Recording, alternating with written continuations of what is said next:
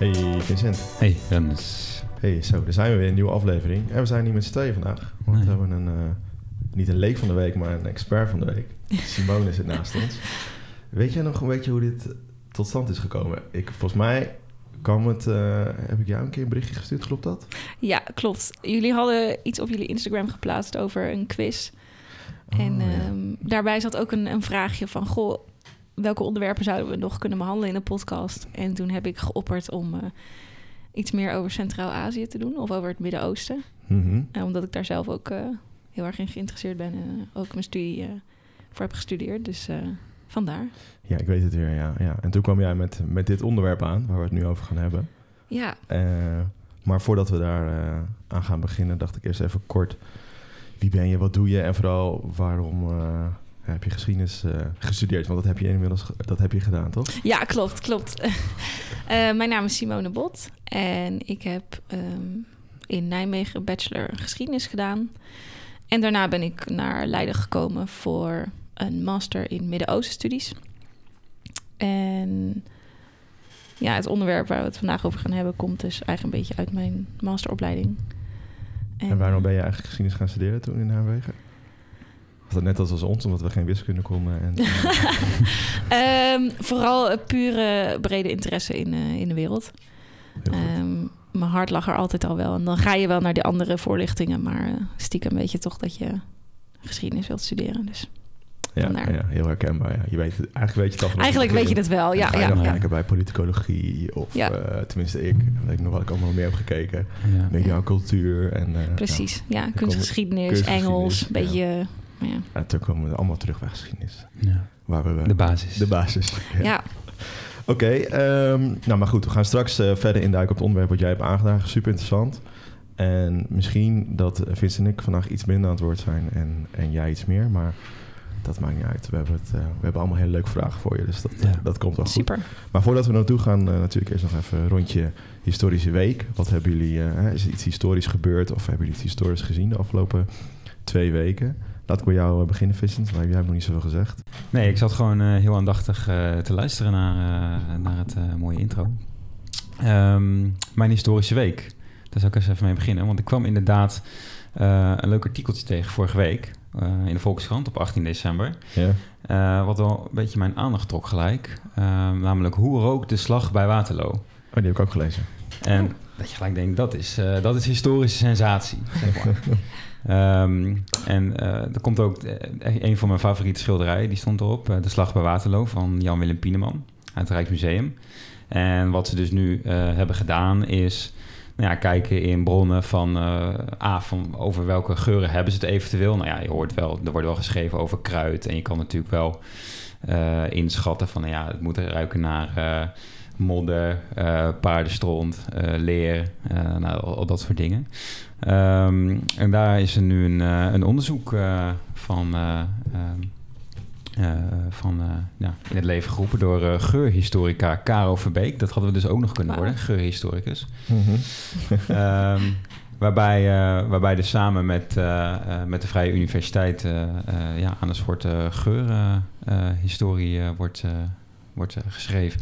Dus dat vond ik vond ik een interessant eh, detail eigenlijk. Ja, maar het ging ook dus wel een soort van ervaringen, toch? Dus dat je, dus en je het kon zien, Ja, eh, en dat je het ook misschien kan horen. Hè? Dus dan eh, oorlogsgeluid op de achtergrond, maar Nou dat ja, je ook nog ja. kan ruiken. in de, in de huidige, in de hedendaagse musea eh, wordt natuurlijk vooral veel gefocust op wat je, wat je kan zien. Hm. Ehm, en, en daar willen ze nu wel wat aan toevoegen, eigenlijk een soort eh vierdimensionale eh ervaring. Ja. Ik heb daar nog een vak over gehad, echt? over eh, hoe ver heel je daar kon, in, hoe je, hoe, als historicus, hoe ver je daar in kon gaan met die soort experience mu- musea. Zoals eigenlijk ook het Spoorwegmuseum is, met een achtbaan en dat je in een soort van wereld ondergedompeld wordt. En er zijn best wel Ja. veel eh, discussies in van, moet je dat nou Van wel of mag niet dat? doen? Ja. Ja. mag dat wel. Ja, nou, ik weet niet. Ik denk dat het Ik wel... ben er wel heel erg voor. Ja, want in, de, in het artikel staat ook van... eh, nu wordt geur heel erg onderschat eigenlijk, in, of ondergewaardeerd ook Ja. in... eh, eh, nou ja, misschien wel in het hele leven. Terwijl, eh, nou ja, dat zeggen ze ook van je ruikt een appeltaartje en je staat eh, weer bij je oma in de, in de Mhm. keuken. Eh, en nou, ik vind wel dat je dat ook ervaart. Ook als je bijvoorbeeld in een stad bent geweest en je komt daar nog een keer en denk je, oh ja, zo, zo rook het de vorige keer. Ik weet niet, dat, dat heb ik altijd wel. Nee, ik snap wel. Dus- ja. Ehm, maar goed, je gaat wel echt iets creëren op basis van een soort ja, eh, inschatting van hoe zou het dan geroken hebben. Dus het is wel iets anders. Maar, Mhm.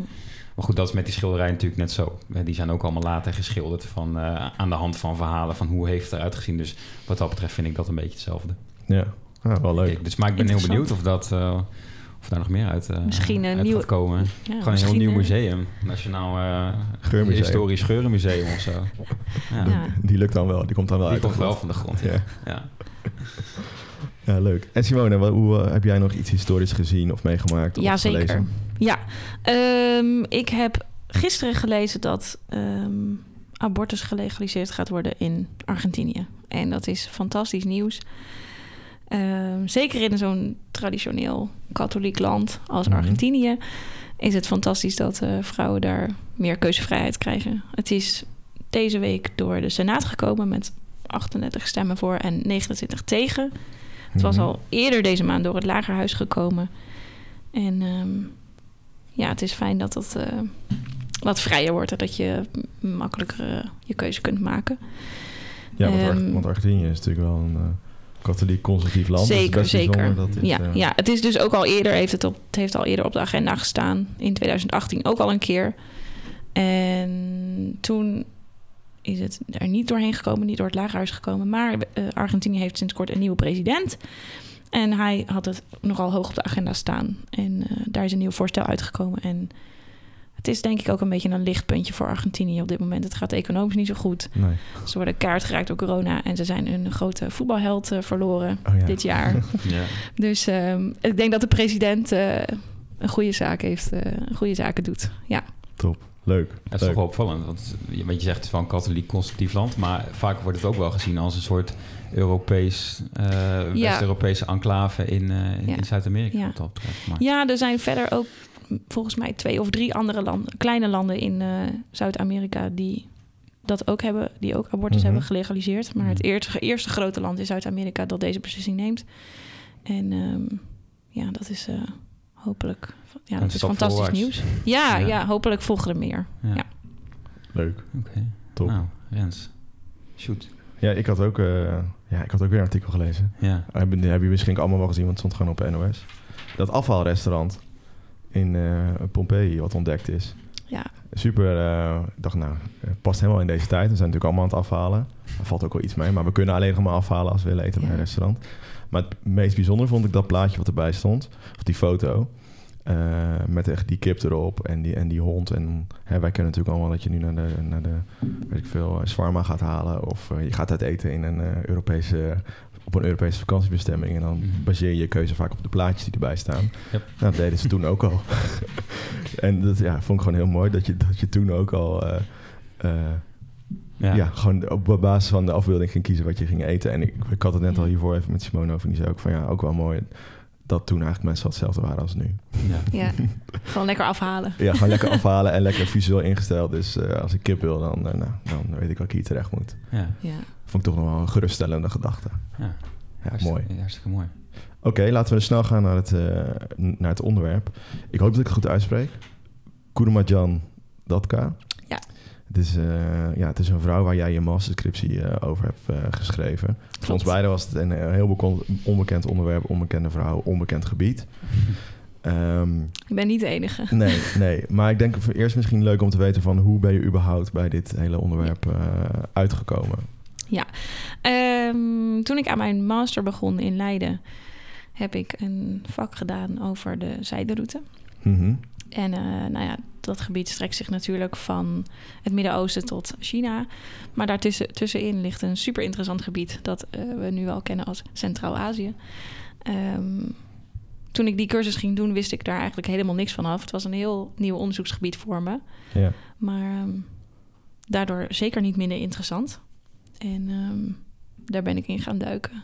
En toen kwam je de, de naam van Datka ja, tegen. ja, ja, ja. Ik, eh, een van mijn docenten die had het eh, over de film. Uh-huh. En de film is inderdaad een beetje de basis geweest... of de uitgangspositie geweest voor mijn scriptie. Ja. En ehm, vanuit de film heb ik dus superveel geleerd over het gebied... over Kurmanjan zelf Ja. en over het, ook het moderne Kirgizië. Leuk, leuk. Want ja, Ja. we zijn dus in Kyrgyzstan, dat hebben we denk ik nog niet gezegd, Centraal-Azië. en uh, Kurmanjan is geboren op uh, 22 mei 1811, uiteindelijk overleden op 1 februari 1907. Ja. En ze was dus een datka, wat een soort gouverneur was. Klopt. Uh, volgens mij Ja. de letterlijke vertaling is rechtvaardige heersing. Maar ze is ook een vrouw, en dat was natuurlijk Ja. toch best wel bijzonder in die tijd. Een vrouw die uh, heerste over een, uh, over een gebied. Maar ik denk voordat we helemaal in haar leven moeten duiken, is het misschien toch even goed. En dat was ook vooral voor, voor mezelf. Ik weet niet, Vincent denk ik ook. Om Ja. toch een beetje een soort historische uh, schets of een context te geven van, uh, van Kyrgyzije. En ik hoop, Simone, Ja. dat jij ons daar een beetje bij uh, kan helpen. Want Ja. wij zijn nogal uh, Europees georiënteerd met onze geschiedenis. Ja. Um, want eigenlijk, uh, Centraal-Azië bestaat op dit moment, uh, of tenminste wordt er vaak gezien als de landen Kazachstan, Kyrgyzije, Oezbekistan, Tajikistan en Turkmenistan. En Klopt. af en toe wordt dan Afghanistan en zo er ook nog bij Ja. benoemd. Maar het is eigenlijk wat jij ook in het voorgesprek al zei. Uh, het gebied tussen allerlei grootmachten zoals Rusland en China Ja, en absoluut. India en Ja. uh, het Midden-Oosten met alle oliesheiks. Daar, daartussen Ja. ligt het een beetje. Ja. Um, en uh, nou, door, de, door, eigenlijk door de Sovjet-Unie, als ik het goed zeg, zijn die landen allemaal een beetje ontstaan vooral. Ja, dat klopt. Eh, Voorheen was, het, eh, was Centraal-Azië een gebied waar heel veel nomaden woonden. Uh-huh. En pas in de tijd van de Sovjet-Unie zijn daar grenzen gekomen. In de jaren ja, 1920, 1930 zijn daar gebieden aangegeven met grenzen. En, eh, Ja, gewoon dus echt die landen ontstaan. ja, En als we dan kijken naar de tijd van uh, Kurumadjan, dan bestond uh, het huidige Kyrgyzije dus vooral uit die stammen of Klopt. gemeenschappen die Ja. uh, nomadisch waren. Ja. En klopt het dan dat, dat die, dan, die stammen waren dan nog wel onderdeel van een soort staatje, wat dan vaak genoemd wordt? Klopt dat? ja, klopt. Er zijn eh, altijd heersers geweest die daar dan weer boven stonden. Je hebt Mhm. in Centraal-Azië... Daar is nooit eigenlijk een rijk uit zichzelf ontstaan, maar het heeft altijd, is onder, ja, altijd onderdeel geweest van andere gebieden.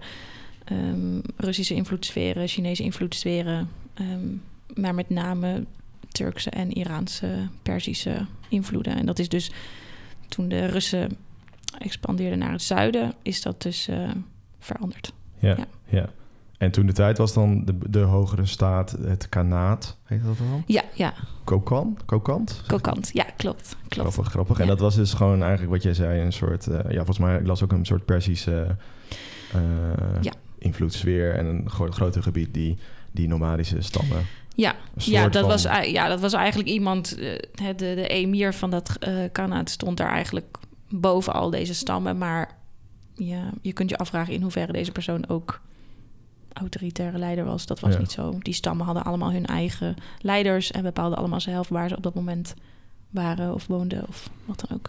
Ja, dat komt ook wel een beetje overeen, denk ik, met eh, eh, bijvoorbeeld de aflevering die we maakten over, eh, over Japan. Hè, waar je, waarin je dat ook heel erg duidelijk ziet dat er wel een soort leidend figuur is. Maar Meer dat het symbolisch. echt op regionaal niveau eh, eh, Ja. de, echt de macht ligt. En dat, eh, nou, in Europa zag je dat eigenlijk ook in eh, ook een aflevering over wat was het, Willem III. Ja. Ook met het Heilige Romeinse Rijk. Dus op zich is het ook niet zo Ja. raar, denk ik, dat...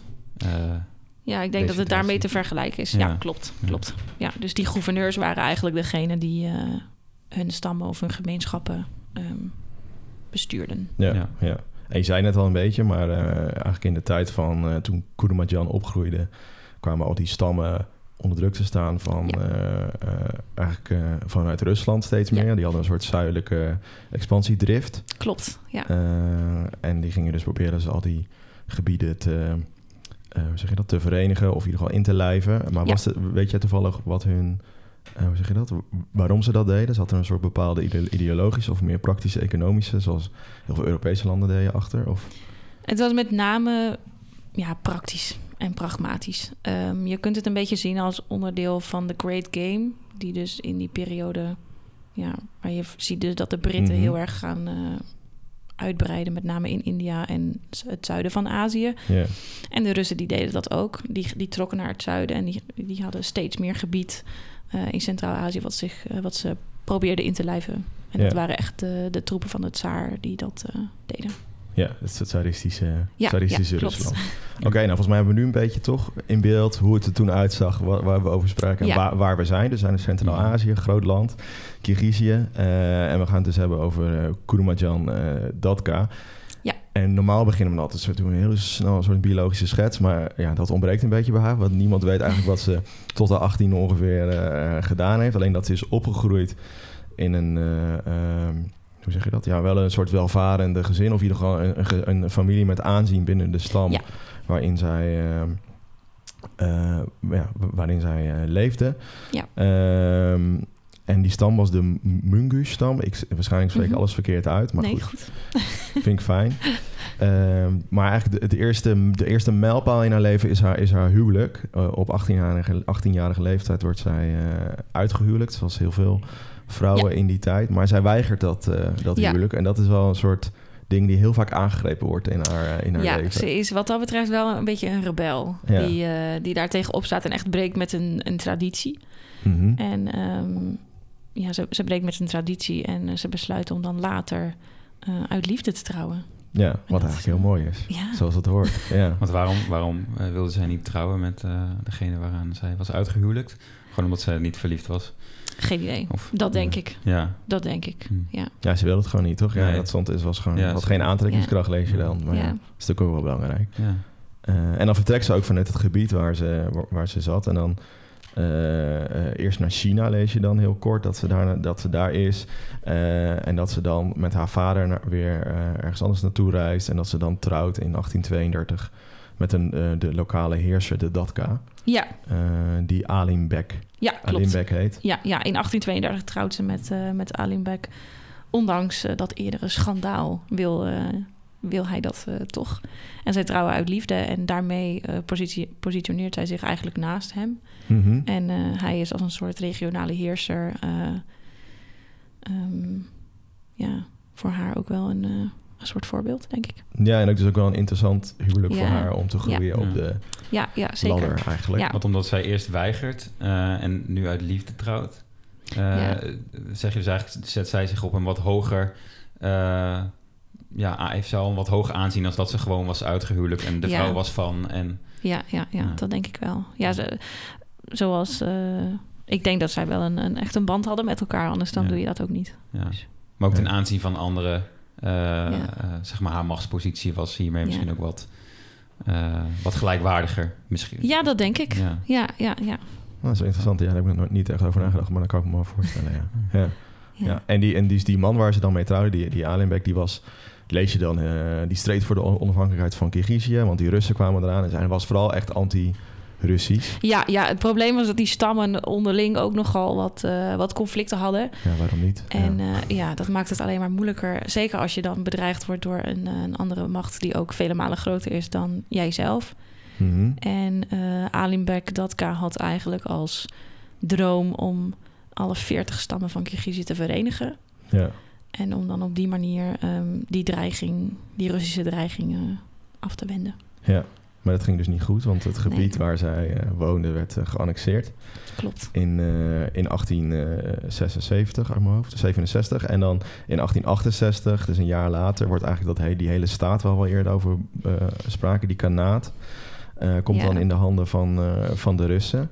Ja. En als ik het dan goed heb, wordt haar man vermoord. Ja, ja dat is in, in 1862 wordt hij eh, vermoord. Oh, eerder al, ja. Ja, al Ja. iets eerder. Ik denk dat de Russen hem toch als een te grote bedreiging zagen. En ik geloof dat door die onderlinge conflicten hebben ze een van de andere stammen waarschijnlijk overgehaald om hem eh, een kopje kleiner te maken. Mhm. Maar dat betekent wel dat eh Koermanjan vervolgens een stap naar voren kan zetten. Ja, en dat is Ja. best wel bijzonder. Want, dan, Ja, ja, klopt. Klopt. want zij wordt dan gezien gewoon als de, als de datka, als de gouverneur, als de, Ja. rechtvaardige heerser van het gebied. Ja, ja ze, wordt ze wordt echt eh, erkend door de andere stammen, door haar eigen stam en zelfs door de Russen ook. Dus dat is inderdaad best wel bijzonder. We weten dat er in het verleden ook wel andere vrouwelijke datka's zijn geweest, dus andere vrouwelijke gouverneurs. Maar die zijn toch een beetje in de vergetelheid geraakt. Misschien omdat ze niet zo lang aan de macht waren of niet echt grote beslissingen hebben gemaakt. Maar Koermanjan die wil graag de droom van haar man voortzetten Ja, om eh, die stammen te verenigen en eh, inderdaad tegen de Russen te blijven vechten. ja. en dat, dat doet ze dan ook. Eh, samen met haar zoons onder andere. Ja, klopt. Maar die zoons die, die hebben dat niet overleefd. Nee, nee, haar zoons ehm, zijn er, ja, die zijn nog iets heftiger of die gaan misschien net een stapje verder dan zij. Ja, Eh, iets zij- lustiger lees je. ja, ja, ja. zij, eh, zij is natuurlijk ook de verantwoordelijke voor eh, al die groepen. En Ja. ehm, die zoons hebben dan misschien iets meer bewegingsvrijheid. En ehm, Ja, ze werden gewoon gezien, als je dat leest, waren ze een soort Ja. rebellenleiders van eh, ja, hè, mannen die met paarden over de steppen jaagden en Ja. dan, eh, of eh, reden en dan op, op Russen joegen en andersom. En dat was allemaal gedoe. ja, inderdaad. Weet je, ze maakten heel erg veel gebruik van dat landschap. Dus je hebt de grote vlaktes waar ze met de paarden dan reden. Maar ook de bergen, het, zeker het berggebied waar Kurmanjan ook vandaan komt. Mhm. Daar was toch een soort van guerrilla-achtige oorlog werd daar gevoerd. Ja. Ja, ja, en dat duurde veel te lang volgens de Russen. Eh, Ja. Ze hebben veel te lang daar mo- lopen moeten vechten. En veel te lang duurde het voordat Kirgizië geannexeerd werd. ja, ze hielden het lang vol. Ja. Ja, klopt. Ja. En uiteindelijk werden, eh, uit mijn hoofd had ze twee zoons, als ik het goed, goed zeg. En ze werden allebei eh, vermoord door, eh, Ja. door, door de Russen. Klopt. Eh, maar bij die, die ene, eh, bij de ene zoon die werd vermoord, dat was nog extra bijzonder. Want die Ja. werd geëxecuteerd. En Kurmajan, dus de moeder, dus, eh, Ja. zo, eh, die, Ja, zij was daarbij. zij was daar gewoon bij. Ja. Ze, ze koos ervoor om, de, om die executie Om bij te- wonen. En dat was wel een hele bijzondere stap, lees je. Of een belangrijke beslissing ook. Ja, ja, ze, ja, ze was bij die, bij die executie, maar ze besloot om niks te doen. In, eh, in de film die dus over haar leven is gemaakt, eh, Mhm. zit daar ook een scène van in. En daar zie je dat iedereen haar probeert op te jutten om in te grijpen, maar ze doet niks. En ze begrijpt dat eh, als ze haar zoon probeert te redden, dat al, alle andere stammen ook eh, ja, verpletterd worden onder de Russen. Ja. Dus Ja. ze offert eigenlijk haar zoon op ehm, voor de veiligheid van alle andere stammen en haar eigen stam. En ehm, zo redt ze die, die gemeenschap door dat offer te maken. Maar Ja. dat maakt haar ook juist wel weer zo'n hele mooie heldin. En eh, Ja. dat eh, in een film is dat natuurlijk Ja, misschien eh, ook dat het fantastisch. niet, niet voor niks uit, uitvergroot is dan in zo'n film. zeker, zeker. ja. Abraham-achtig... eh, ja, bijbelstafereel. Ja. Ja, ja, ja, ja, dat, eh, dat, maakt, eh, dat maakt een goede film, een drama. En, Ja. ja. ja. Ja, want, dus, want dat vroeg me dus allemaal af. Dus door dat, door dat bijwonen of het toelaten eigenlijk van die, van die executie... gaf zij ook een soort van de Russen de kans Ja. of de, en de mogelijkheid om Kirgizië te annexeren. ja, Maar Ja. daardoor eh, eh, werden ze eigenlijk niet overlopen, de, de Kirgiziërs... Maar konden ze nog een beetje aan hun eigen touwtjes eh, klopt. trekken. klopt ja. Dus het, eigenlijk was het een hele politieke, strategische keuze. Ja, ik denk, ehm, ik denk dat ze wist dat ze niet konden winnen. Nee, Uiteindelijk. De Russische macht is in, zeker vanaf het begin dat ze naar het zuiden trokken tot dat moment is zo enorm gegroeid Mhm. dat ze ook wist dat ze het niet, niet konden winnen. nee, nee. Dus dat is gewoon echt een, echt, echt een offer. Ja, Mhm. Nou, volgens mij hebben we nu een beetje een eh, goed beeld, denk ik, van het hele leven van, eh van. Of Ja. moeten we nog verder gaan in de tijd? Uh, jullie is nog allemaal... Ze is heel oud geworden, 96. ja ongelooflijk. Ja. Ja. Voor die tijd. Voor die tijd eh, echt Ja. enorm oud. En er is één foto van haar bekend. Dat vind ik ook altijd een heel mooi verhaal. Ja, ja, ja, die foto die is gemaakt door ehm Mannerheim. Dat hij, hij was voor de Russen op pad eh, om de bevolking te fotograferen en daarover te En schrijven hij werd voor, later voor de, de, Russen. de Finse... Ja, klopt. Hij was de eerste eh, president van Finland. ja. Heel interessant eh, hoe ook- dat gelopen ook is. een geschiedenis waarvan ik Ja. heel graag iets meer zou willen weten. Ja. Nou, misschien, over- eh, ja. Volgende aflevering. ja. Ja. ja, dat is een heel interessant stukje geschiedenis. Er zijn enkele foto's inderdaad van haar bekend. Waaronder één eh, in, een, eh, in een yurt. Dat is een traditionele Kyrgyzische tent waar, Mhm. waar mensen in leven. En eentje op een paard ook. Oh En, ja. eh, dat, ja, dat is, een pra- is ook een prachtige foto. En eh, een van die foto's is ook gebruikt voor de bankbiljetten. ja. Ehm, Ja. Dus ze staat op een Kyrgyzische bankbiljet. Ja. Ja. eh, als enige vrouw in de hele regio. Ja, vet. Hm. Ja, Oké, ehm, ik denk dat het nu tijd is eh, voor de quiz. En, want we hebben denk ik nog heel veel tijd nodig om het verhaal te hebben over eh, hoe er nu wordt gekeken naar, Ja. Koemanjan. Want je zei net Ja. al, er is een film gemaakt. In Ja. 2014 is er een hele film geschreven. Nou, jij hebt een soort van twee derde van je scriptie gewijd aan hoe er nu wordt gekeken. En volgens mij, ik vind het wel interessant eh, om dan even de vraag te beantwoorden van... eh, ja, hoe verschilt dat dan, die kijk van toen of haar, haar rol van toen versus nu? En vooral hoe ze nu, of hoe vooral haar verhaal nu ingezet wordt Ja. om uh, Kirgizië te verenigen. absoluut. Maar eerst Ja. even tijd uh, voor iets luchtigs. Het is tijd voor de quiz. Nou, de vorige keer hadden we allebei onze, onze vragen goed. Um, en daarna hadden we nog een vraag gesteld aan, aan onze luisteraars. Ook eigenlijk een hele makkelijke. Maar ik vond het wel een beetje tegenvallen. De antwoorden erop. Er waren Ja. niet heel veel goede antwoorden. Want de vraag was... Um, vanuit het boekje, hè? dus niet onze, onze eigen standpunt, maar het boekje zei dat rond 3200 voor Christus de Mesopotamiërs iets uitvonden waardoor zij dingen makkelijk konden vervoeren. Ja. Dat was natuurlijk het wiel. Ja. Ik ging dat toch even opzoeken. Nou, Wikipedia zei bijvoorbeeld dat het 3500 voor Christus was. Hmm. En de meningen verschillen daar nog over. Maar als het, het, het, het Wereldgeschiedenis quizboek zegt 3200 voor Christus. En het antwoord was dus moeten we dat maar geloven. het wiel. Eh, ja, volgens mij staat het 10-8 voor jou. Ja. Zal ik dan eh, beginnen met de vraag? Kijken of ik kan inlopen. En we- natuurlijk stellen we ook een vraag aan Simone. Ja, stel Ja. maar aan mij. Oh, zo, ja. ja. Ja. Oké. Oké, dus ik ga, ik ga even bladeren. ja. En dan zeg maar stop. En even voor jou Simone, hoe verder achterin de boek, hoe je dichter bij de tijd nu. Dus dan eh, als je zegt Dus- van... nou, Ja. Maar jij bent heel goed met Centraal-Azië, dus... dus eh, Oké, ik eh, stop. Oeh, 1400 tot 1599. Ja, Oh. En dan kun je, mag je kiezen uit eh, vraag 76 tot en met 86. doe maar 82. Vraag 82.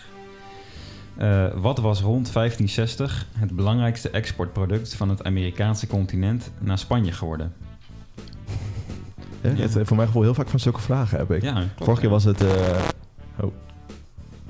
Volgens mij heb ik heel vaak zulke vragen. Vorige keer was het eh, rietsuiker, Ja, klopt. dacht ik.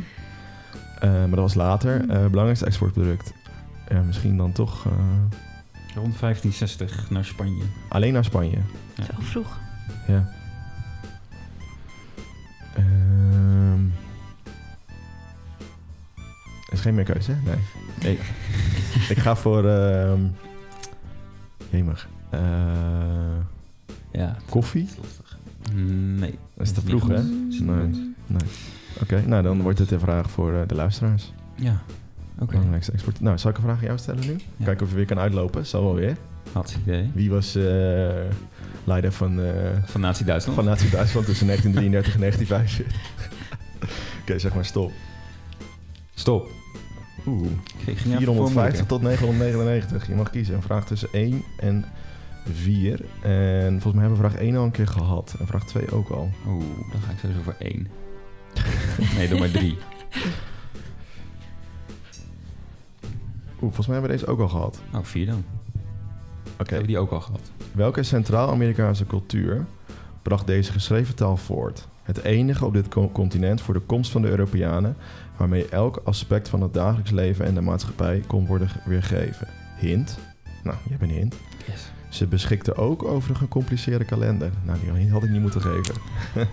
Het zou de haas de Maya's moeten zijn dan. Nou, dat denk ik ook, ja. Ik zal even bij de antwoorden kijken. Het is toch jammer dat jij dat dan weer weet.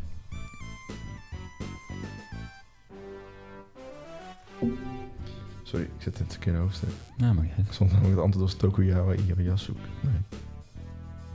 Hè?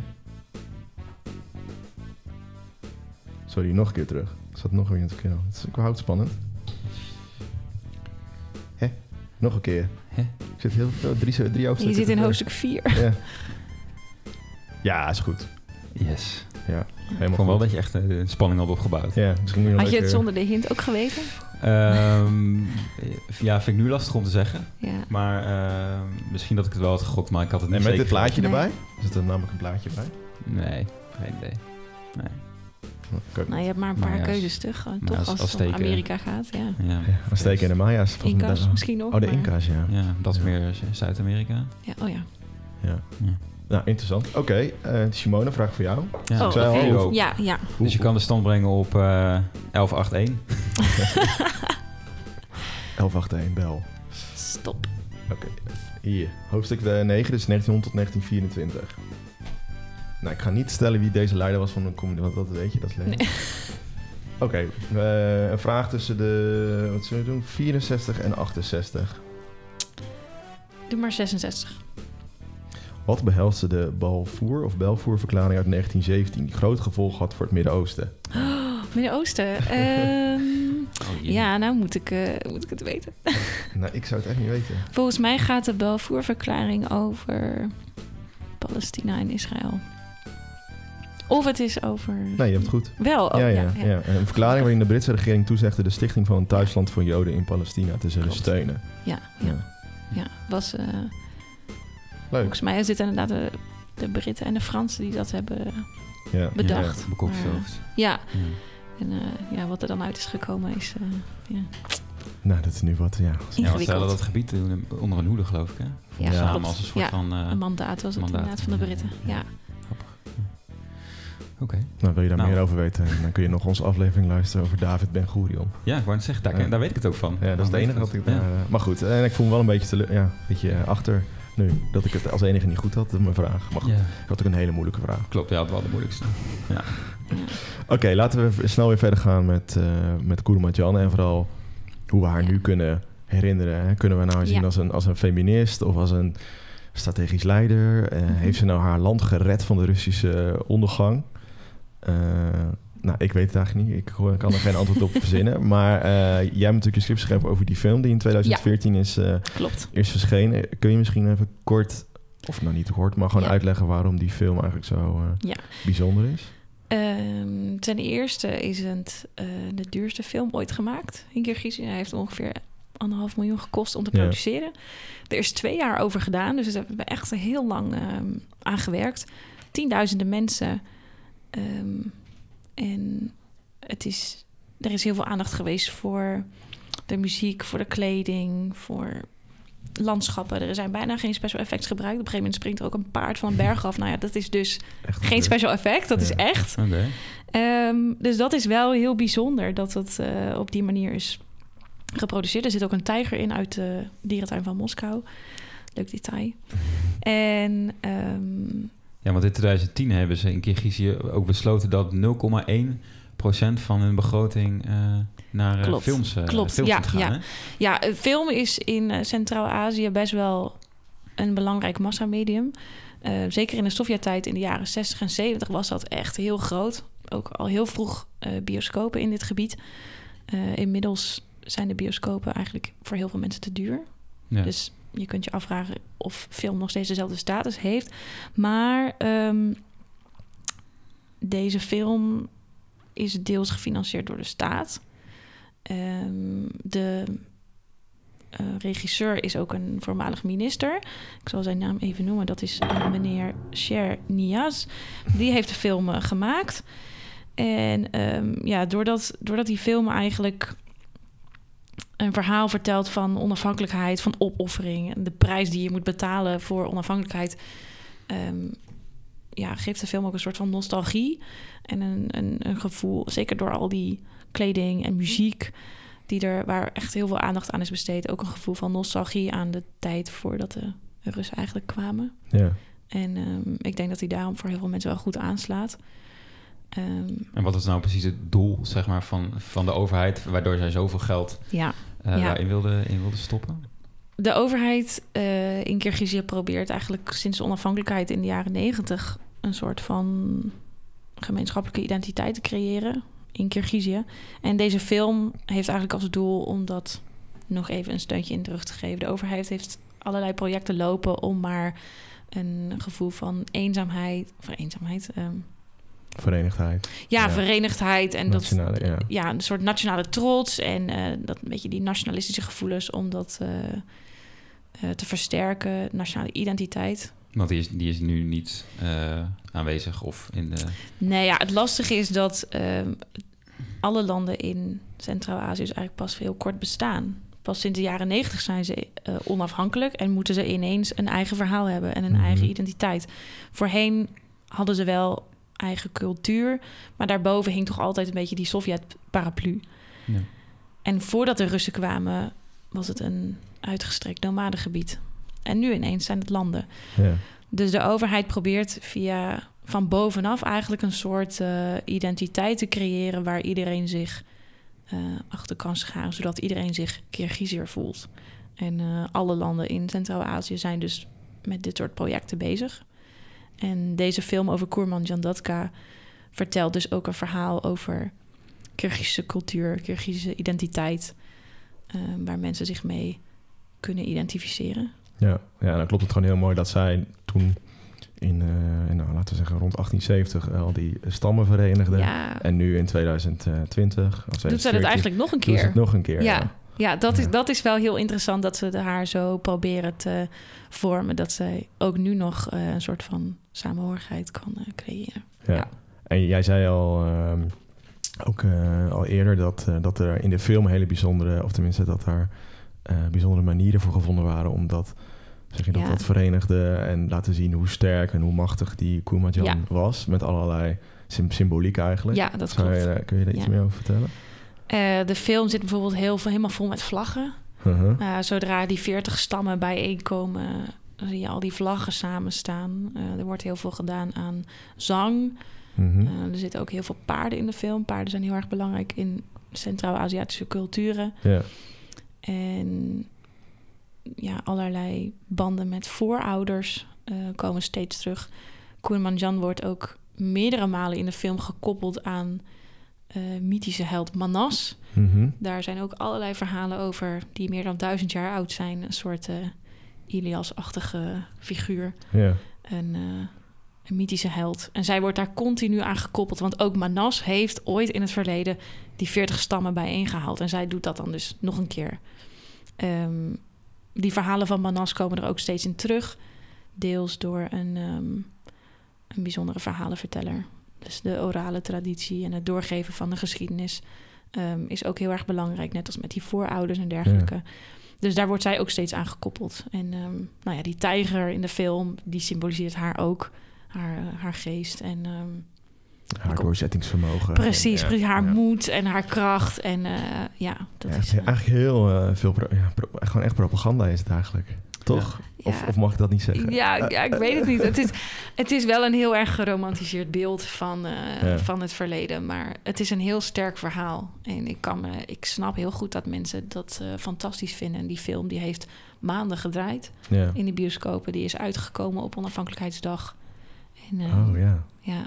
Er, dat- er is ook heel weinig hè, waar ze op terug kunnen vallen, toch? Volgens mij schreef je ook zoiets in je scriptie, omdat ze, ja, klopt. eh, nou ja, dus al eh, van origine nomadische volkeren zijn, dus ja, veel verloren is gegaan door Ja. vele verhuizingen en dat de orale traditie dus heel groot is. ja, dat is het lastige inderdaad met, no- met de geschiedenis van nomadische volken... is dat ze natuurlijk ehm, het enige wat we eigenlijk hebben van voor die tijd... of echt de vroege geschiedenis is eigenlijk allemaal archeologische bronnen. Ja, precies. En de verhalen vertellen, dat is eigenlijk de geschiedenis die we nog hebben. Er zijn ook steeds minder mensen die die traditie volgen... Mhm. die dat in stand houden. Dus dat is eh, heel jammer dat dat allemaal verloren gaat. En het is dus vrij recent pas dat we de meer geschreven bronnen hebben over dit gebied. Eigenlijk sinds de Russen dat gebied inkwamen in eh, 1850, 60, 70. Ja. Het is wel grappig eigenlijk dat ze dus met deze films ze zich een soort van los willen maken van, van de Sovjet-Unie. Ja, En iets zelf willen creëren. En dat ze dat dan doen met, eh, met een middel systeem. uit de Sovjet-Unie, zeg maar. Echt die Ja, film ja, die, die daar groot is geworden. Ook om nou ja, de bevolking eh, op bepaalde kanten op te sturen. Ja. En, eh, ja. ja is- dat is wel heel, heel interessant om over maar goed, na te ja, denken. ze komen natuurlijk al uit die wereld. Dus ze weten ook Ja. dat het dan werkt. Ja. Ja. Dus dat is op zich wel logisch. Maar... Ja, maar het is, het is natuurlijk wel een verhaal van eh, afzetten tegen de Russen. Hun eigen onafhankelijkheid, hun vrijheid, Ja. die ze, hebben, die ze toen hebben moeten opgeven. Maar die ze nu eigenlijk wel weer hebben. En heb je een beetje het idee, een idee hoe eh Kirgizië zich verhoudt tot eh, de andere omringende landen qua het zijn van een natie? Mm, Is het, is het zijn, ja, staan zij een beetje voorop of achterop? Of, Ja, ik weet, ik weet wel dat bijvoorbeeld Kazachstan, dat is natuurlijk het, het grootste land in Ja. deze regio. Kazachstan heeft wel een wat meer op zichzelf staande cultuur en die ja, wat meer een bestaande identiteit al. Het lastige is dat in Centraal-Azië de landen eigenlijk heel divers zijn. Ehm, op dit moment in Kirgizië zijn is ongeveer 60 à 70 procent is etnisch Kirgizisch. De andere ehm, zijn nog veel meer andere groepen. Bijvoorbeeld Oezbeken die in Kirgizië wonen. Turkmenen die in, in eh, Kirgizië wonen. Maar ook heel veel Russen. Dat is natuurlijk vanuit het verleden die tijdens de Sovjet-Unie naar dit gebied kwamen. ja, Dus, gestuurd zijn eigenlijk, toch? Ja, sowieso. Meer. Ja, Ja. ook. Dus eh, allerlei migratiestromen die in dit gebied hebben plaatsgevonden. En dat maakt het dan ook wel weer lastig om eh, iets te creëren dat alle mensen aanspreekt. Want Ja. Kurmanjandatka is natuurlijk Kirgizisch. En ze proberen dat dan te framen als een iemand ehm, die voor alle volken staat. Maar ja, in Kirgizië wonen ook heel veel minderheden die zich dus niet zo aangetrokken voelen tot deze verhalen. Nee, nee. Nee, dus dan eh, is misschien een beetje een grote vraag, maar denk je dan dat het gelukt is? Dat, dat ze nu op dit moment aan de hand van die film een soort nationale identiteit hebben kunnen Ehm. vestigen in eh Kirgizië? Of eigenlijk zoals je het zelf noemde, eh, is zij een heroïne eh, voor, eh, voor, de, voor het Kirgizisch nationalisme. Nou, ik denk ehm, dat ze voor mensen die etnisch Kirgizisch zijn... absoluut een voorbeeld is. Ja, Ja. voor ehm, eh, iemand die vecht voor vrijheid. Ze is natuurlijk echt een echte heldin die iets opoffert eh, voor, haar, voor haar eigen land. Eh, iets wat de huidige president van Kirgizië misschien ook eens een keer zouden moeten doen. Ehm, Dus als je luistert. Ja, ja. Nou ja, ik, ja het is, het is zo'n etnisch verdeeld land. En ik denk dat ze voor veel mensen een voorbeeld is. Maar ongetwijfeld niet voor iedereen. Net als dat bijvoorbeeld die mythische held Manas ook niet iedereen aanspreekt. Die heeft ook allerlei andere volken. ehm, bijvoorbeeld heel veel Oezbeken. Eh, ja, daar heeft hij oorlog mee gevoerd. Maar er wonen momenteel ook heel veel Oezbeken in Kyrgyzije. Dus Ja. dat, ja, dat wringt een beetje met elkaar. Ja, heel interessant. Ja, ik zit nu ook te denken van zoals zo, zo'n- zo, ieder geval het naam van, de naam van het land, Kirgizië of Oezbekistan.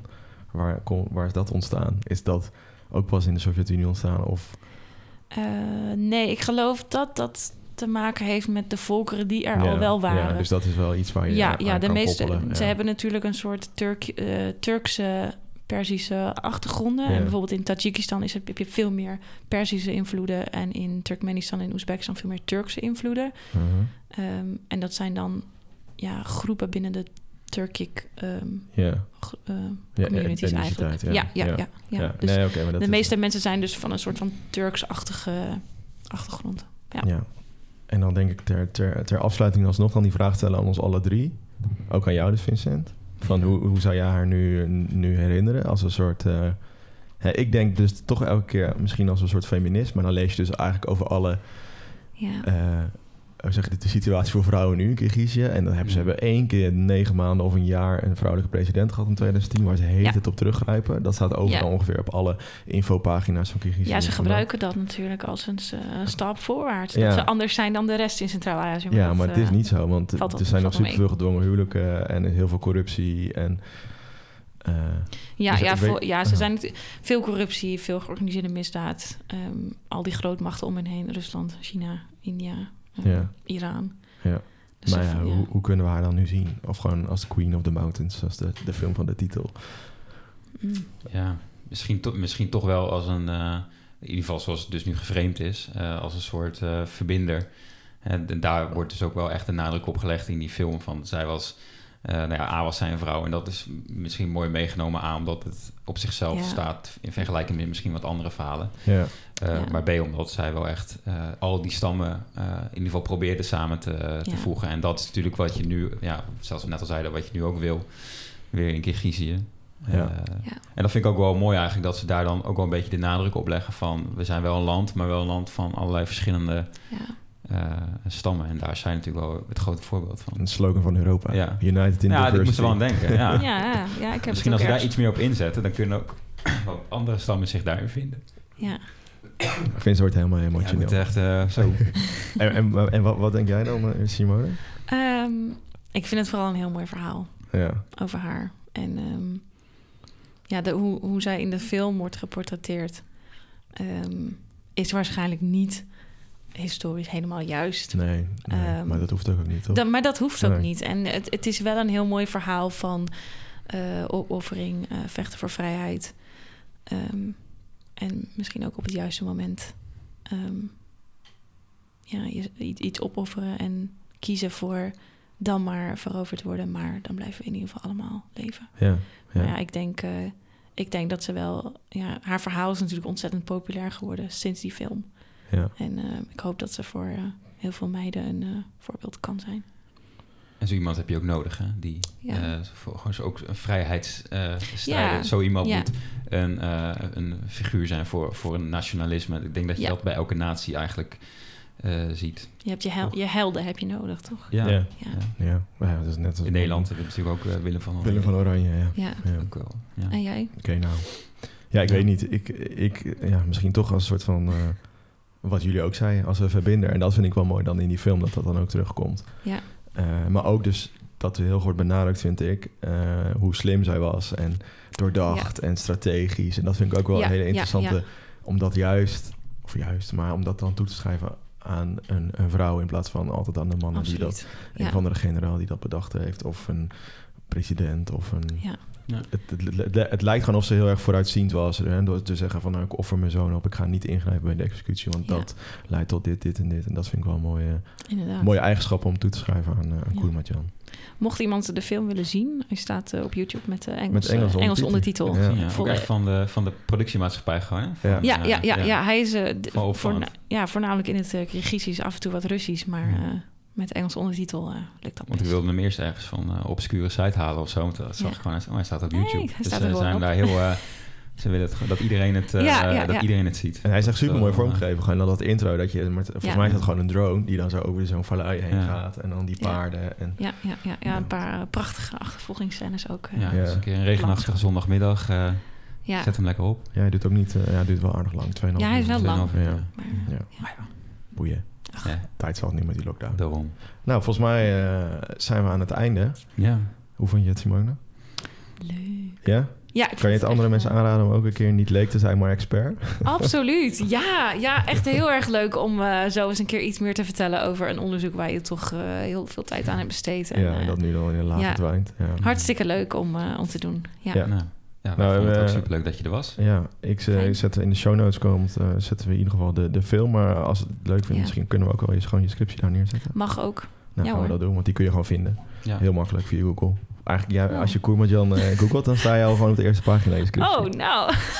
Ja, ik, ik, ik begon ook met zoeken. Toen kwam ik tegen. Ik dacht, oh, dat is makkelijk. Ik dacht, oh, hè, dat is gewoon juist Oh. Ja, dat dus, eh, dus die, eh, als je daar geïnteresseerd bent, dan kun je hem terugvinden in de beschrijving van deze aflevering. En als je denkt van, hey, ik wil ook een keer eh, iets vertellen over mijn, mijn niche waar ik mee bezig ben geweest, of mijn onderwerp of mijn onderzoek, nou, laat het weten. Dan eh, bieden we daar de ruimte voor, want anders gaan we het alleen maar hebben over eh, kunstroven en eh, straatnamen. En dat hebben we wel genoeg over Op gehad. zich niks mis mee. Maar eh, ja. Ik Eh, fijne jaarwisseling iedereen. En, eh, ja, tot, heb je nog goede voornemens? Oh, nee. Nee. Nee. Ja, dat kan, dat kan natuurlijk heel goed. Ik ook niet. Jij? Doorgaan met waar ik mee bezig was. Ja, heel goed. ja. Mezelf blijven. Ja. Dat vind ik heel belangrijk. In deze tijd waar eh, identiteit heel belangrijk is. ja. Nou, eh, wat zeg je ook altijd weer eh, met vuurwerk? Ehm, lekker knallen, maar niks verknallen. Ja, Maar dat, ma- dat, dat gaat ja niet op, want je mag ook niet knallen. niet knallen. Nee, En ook niks nee. Jammer. Eh, dream big. En eh, tot, Carry eh, on. Ja. tot snel weer. Joep. Dag.